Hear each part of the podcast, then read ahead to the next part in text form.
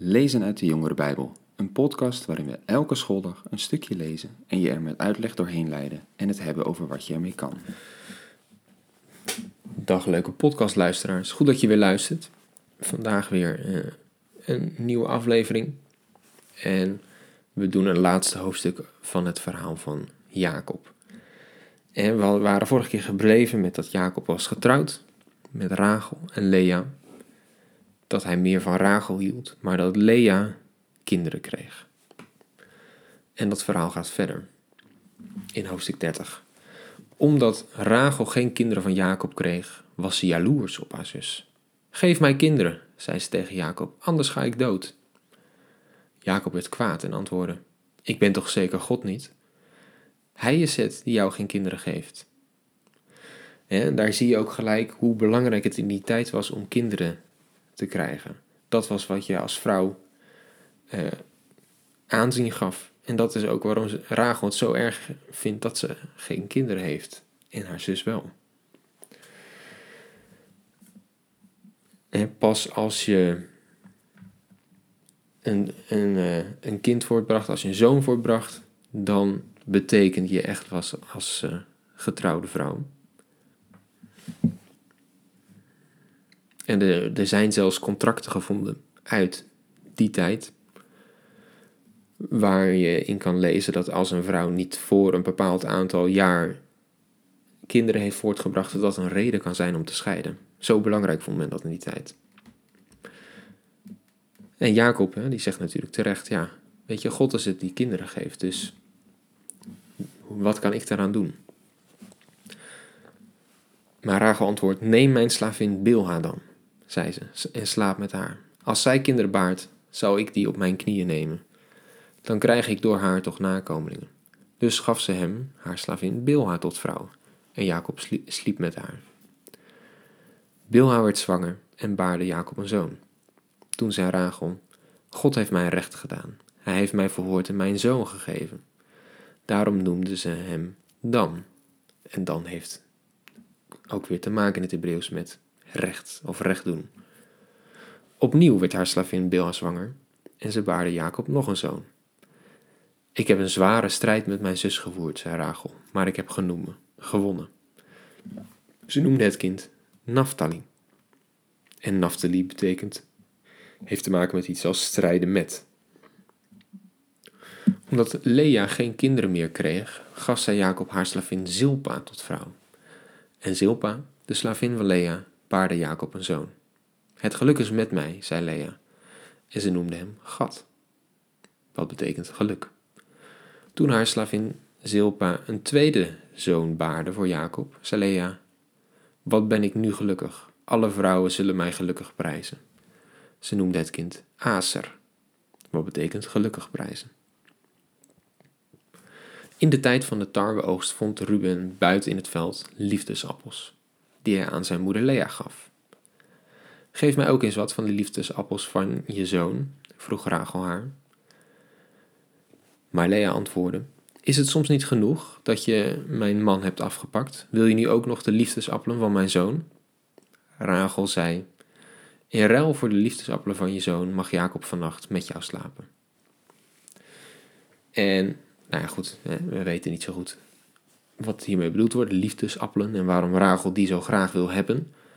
Maar eh, mogelijk werd in die tijd gezien, die, die vruchtjes gezien als iets wat je vruchtbaar kon maken, waardoor je eerder kinderen zou kunnen krijgen. Dus dan snap je wel waarom Rachel die zo graag wil hebben. Toen Jacob s'avonds thuis kwam uit het veld, ging Lea hem tegemoet en zei: Je moet met mij slapen. Ik heb je gehuurd voor de liefdesappelen van mijn zoon. Dus sliep hij die nacht met haar. En God verhoorde Lea. Ze werd zwanger en baarde Jacob voor de vijfde maal een zoon. God heeft mij beloond, omdat ik mijn slavin aan mijn man heb gegeven, zei ze. En ze noemde het kind Isachar. En dat betekent belonen. Opnieuw werd ze zwanger en ze baarde Jacob een zesde zoon. God heeft mij een mooi geschenk gegeven, zei ze. Mijn man zal mij op handen dragen nu ik zes zonen voor hem gebaard heb. Ze noemde het kind Zebulon. En dat betekent op handen dragen. Daarna bracht ze een dochter ter wereld, die ze Dina noemde. Toen dacht God eindelijk aan Rachel. Hij verhoorde haar en opende haar moederschoot. Ze werd zwanger en bracht een zoon ter wereld. God heeft me van mijn schande verlost, zei ze. Ze noemde het kind Jozef en zei: Ik hoop dat de Heer mij er nog een zoon bij geeft. En Jozef betekent toevoegen. Nou, een heleboel zonen en een dochter die zo geboren worden. En nou ja, de namen die je nu allemaal voorbij hoort komen zijn bekende namen. Want later zijn daar de stammen van Israël uit voortgekomen, de twaalf stammen. Dat zijn allemaal de zonen van Jacob geworden. Je had Juda, de Judeërs, is een stam. Levi, de Levieten, waren de, zijn de priesters geworden. Uit deze familie is dus eigenlijk heel het volk Israël voortgekomen met al zijn stammen. En dit is het verhaal van hoe die zijn ontstaan. Een apart verhaal dus, hè, met een strijd tussen twee zussen. Maar ze wonen daar nog steeds bij Laban. En op een gegeven moment zou Jacob weer terug willen. En zeker nu hij, uh, nu ook Rachel een zoon heeft gekregen en ook haar, uh, daardoor haar aanzien wat is verhoogd en haar toekomst zekerder is, is het veilig om te vertrekken bij Laban. En hij heeft waarschijnlijk dus nu ook in de tussentijd al uh, de zeven jaar voor Rachel uitgezeten. Dus daar wilde hij het nu over hebben met Laban. Toen Rachel Jozef ter wereld had gebracht, zei Jacob tegen Laban: Ik zou graag vertrekken. Laat mij teruggaan naar het land waar ik vandaan kom. Geef me mijn vrouwen mee, voor wie ik bij u heb gewerkt, en mijn kinderen, en dan ga ik. U weet hoe hard ik altijd voor u heb gewerkt. Laban antwoordde: Als je me werkelijk goed gezind bent. Ik heb uit verschillende tekenen opgemaakt dat de Heer mij omwille van jou heeft gezegend. Verschillende tekenen is hier ook wel interessant. Hè? Hoe zou hij aan die informatie komen? Was dat God die gewoon sprak? Of was dat wat anders? En met name het woord tekenen, dat lijkt een beetje alsof ehm, hij hier iets meer aan uh, magische tekenen bedoelt. Want dat deden ze in die tijd natuurlijk ook hè, met van alles. Uh, bijvoorbeeld een dier slachten en naar de ingewanden kijken. En dan zou een ziener aan de hand van daarvan een antwoord kunnen geven op een vraag. Nou ja, hoe dan ook. Hij heeft uit tekenen opgemaakt dat de Heer hem omwille van Jacob heeft gezegend. Stel het loon maar vast dat je van me wilt. Ik geef je wat je vraagt. Hierop zei Jacob: U weet hoe hard ik eh, voor u heb gewerkt. En hoe dankzij mij het met uw vee is gegaan. Uit het weinige vee dat u voor mijn komst had, is een enorme kudde gegroeid. De Heer heeft u sinds mijn komst inderdaad gezegend. Maar wanneer kan ik eens voor mijn eigen familie gaan werken? Laban antwoordde: Zeg maar wat ik je moet geven. U heeft, hoeft mij niets te geven, zei Jacob. Als u tenminste wilt ingaan op het volgende voorstel, dan zal ik uw vee blijven weiden en verzorgen. Laat mij vandaag uw hele kudde doorgaan en er alle dieren uithalen die gespikkeld of gevlekt zijn. Van de schapen elk zwart dier en van de geiten alles wat gevlekt of gespikkeld is. Dat wil ik als loon. Of ik eerlijk te werk ga, zal blijken als u mijn loon komt inspecteren. Alle geiten die niet gespikkeld of gevlekt zijn en alle schapen die niet zwart zijn, mag u als gestolen beschouwen. Goed, zei Laban, ik neem je voorstel aan. Maar nog diezelfde dag zette hij de gestreepte en gevlekte bokken apart van de gespikkelde en gevlekte geiten. Alles waaraan maar iets wits te zien was, en alle zwarte schapen, en hij stelde de dieren onder de hoede van zijn zonen. Hij bepaalde dat Jacob drie dagreizen bij hem vandaan moest blijven. Het vee dat overgebleven was, mocht Jacob weiden. En dus eigenlijk zie je dat Laban wel akkoord gaat, maar niet zijn vee kwijt wil. En met een list soort zelf al alles eruit haalt en wegstuurt. Jacob brak jonge takken van populieren, amandelbomen en platanen en schilde zo, ze zo dat het wit van de takken in strepen bloot kwam. Die afgeschilde takken legde hij in de drinkbakken. Wanneer de geiten kwamen drinken, werden de wijfjes die tegenover de bokkel stonden, namelijk bronstig.